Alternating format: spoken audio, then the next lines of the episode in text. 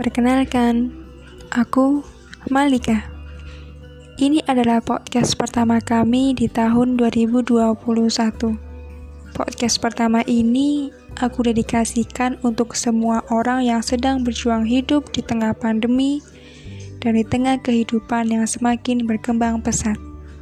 Sepucuk surat dari seseorang, kita sebut saja Haruto, ingin dibacakan melalui podcast ini.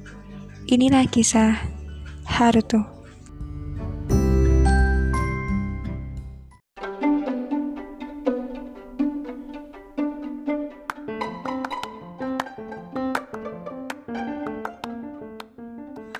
Hai, bertemu lagi dengan Malika di Bincang Cantik. Oke, dari podcast kemarin kita sudah dengar ya, ada kisah yang ingin dibagikan dari Haruto. Oke, tanpa bincang-bincang lama lagi, akan saya bacakan kisah Haruto. Hai, aku Haruto. Aku sengaja mengirim surat ke podcast Bincang Cantik karena ingin berbagi apa yang sedang aku rasakan. Begini ceritanya. Ketika proses perpasan masa perkuliahan, aku merasa bahagia, cemas, khawatir, dan was-was. Perasaan bahagia muncul karena aku berhasil menyelesaikan studi dengan hasil yang memuaskan Sedangkan perasaan cemas tiba-tiba muncul karena aku memikirkan pekerjaan apa yang harus aku pilih dan jalani untuk melanjutkan kehidupan. Berbagai pikiran datang silih berganti, seperti apakah skill yang aku miliki layak untuk terjun dalam dunia kerja? Atau bagaimana harus menghadapi dunia kerja, rekan-rekan kerja, dan tanggung jawab dari pekerjaan itu sendiri? Aku terus bertanya pada diriku sendiri, mau ke mana? Ingin pekerjaan seperti apa? Ataukah harus melanjutkan studi? Dalam hatiku, aku hanya bisa menjawab, entah. Aku hanya merasa ingin mengikuti alur kehidupan ini. Aku merasa pasrah pada kehidupan apa yang akan dijalani. Pertanyaan-pertanyaan tersebut satu persatu terjawab. Ketika aku berdiskusi dengan keluargaku, ternyata melanjutkan studi itu menjadi hal yang aku dan keluarga inginkan. Namun, untuk mencapai itu tentu tak semudah seperti yang apa aku pikirkan. Sebenarnya, Aku memiliki cita-cita dan keinginan besar untuk memperbaiki kualitas hidupku dan keluargaku. Namun, keinginan tersebut menjadi hal yang aku khawatirkan karena aku merasa belum siap bertemu dengan kekecewaan. Hari demi hari berjalan. Aku mencari pekerjaan melalui media sosial dan bertanya dengan teman dan di setiap harinya itu, aku juga merasa khawatir akan obrolan tetangga dan keluarga. Apa yang harus aku jawab ketika ditanya tentang masa depan? Akhirnya, pekerjaan sudah aku dapatkan. Rekan kerja dan tanggung jawab maupun peran aku jalani. Saat itu, apa yang aku pikirkan dahulu kala akhirnya terjadi Perbedaan pandangan dan sikap dengan rekan kerja mulai terlihat. Aku sangat tidak nyaman dengan tempat kerja tersebut. Aku juga bingung tentang apa yang harus aku sikapi terhadap perlakuan dan perkataan rekan kerjaku. Aku juga mulai berpikir bahwa menjadi seorang yang profesional dalam bekerja memang perlu bantuan dan bimbingan orang sekitar. Namun, aku merasa tak menemukan bantuan tersebut. Di tempat kerja, aku bingung harus memecahkan kekhawatiranku kepada siapa. Hingga pada akhirnya, aku menemukan sebuah tempat untuk berbagi. Dan aku mulai nyaman dan beradaptasi dengan situasi di tempat kerja. Beberapa bulan telah terlewati. Aku merasa nyaman dengan pekerjaan ini, namun di satu sisi keluargaku mengingatkan, ingat tujuanmu, yaitu melanjutkan studi. Kemudian aku mulai berpikir, mengapa keluargaku menginginkan aku melanjutkan studi? Hingga pada akhirnya, aku kembali bertekad untuk memperjuangkan kelanjutan studiku. Hari H telah datang. Aku keluar dari pekerjaanku. Namun, tak banyak keluargaku yang mendukung atas keputusan itu. Aku menangis di hadapan keluarga. Namun, feedback yang aku dapatkan adalah ekspresi dan ungkapan kekecewaan. Aku merasa sedikit terpukul dan menyesal atas keputusan itu. Memang, keputusan resign tanpa diskusi dengan keluarga adalah keputusan sendiri dan mungkin itu keputusan yang kurang tepat. Hari demi hari berjalan, terlepas dari permasalahan keluar dari pekerjaan, keadaan antara keluarga dengan diriku mulai membaik. Aku mulai mempersiapkan tes untuk kelanjutan studi. Alhasil, aku berhasil menjadi mahasiswa magister. Perjalanan menuju penyelesaian studi itu diikuti juga dengan kekhawatiran tentang hubungan romansa. Seiring bertambahnya usia, keluargaku mulai menanyakan tentang orang yang dekat denganku. Namun saat itu, aku masih belum menemukan teman dekat. Hingga hari pelepasan mahasiswa magister, Kekhawatiranku akan pekerjaan, ekonomi, personal, romansa, sosial, mulai bermunculan silih berganti. Insecure datang dan pergi. Apalagi saat aku melihat progres teman-temanku yang sudah mendapatkan pekerjaan dengan gaji yang lumayan. Kemudian ada juga yang menikah, mempunyai anak, dan melihat keluarganya bahagia. Di setiap apa yang aku gelisahkan, aku mengalihkannya dengan berselancar di media sosial. Namun, yang aku dapatkan bukanlah melihat hasil pencapaian teman-temanku, melainkan quotes tentang apa yang aku gelisahkan. Aku merasa ini adalah jawaban dari Allah atas apa yang selama ini menggangguku. Sekarang, aku mulai menyadari dan belajar tentang apa makna kehidupan, mulai dari aspek keluarga yang sedari kecil menemaniku dan apa yang dipikirkan keluargaku. Selain itu, aku juga belajar tentang aspek self-development.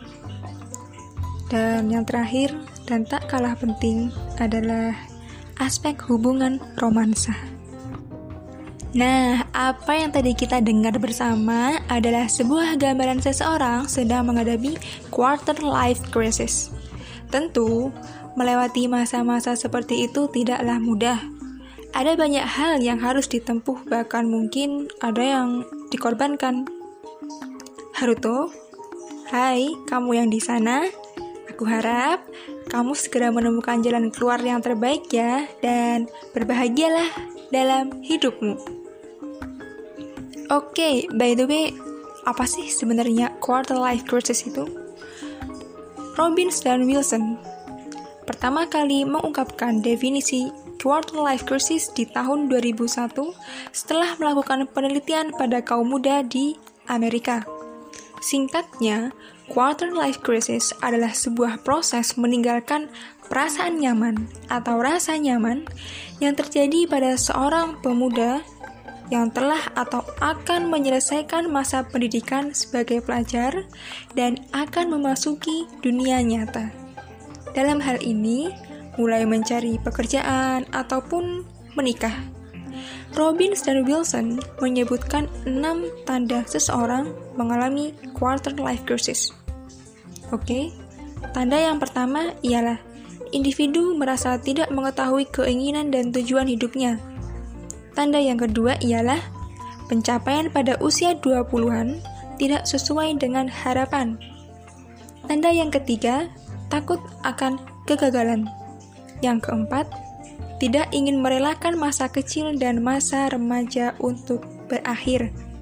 Yang kelima, takut tidak mampu menempatkan pilihan yang tepat untuk sebuah keputusan.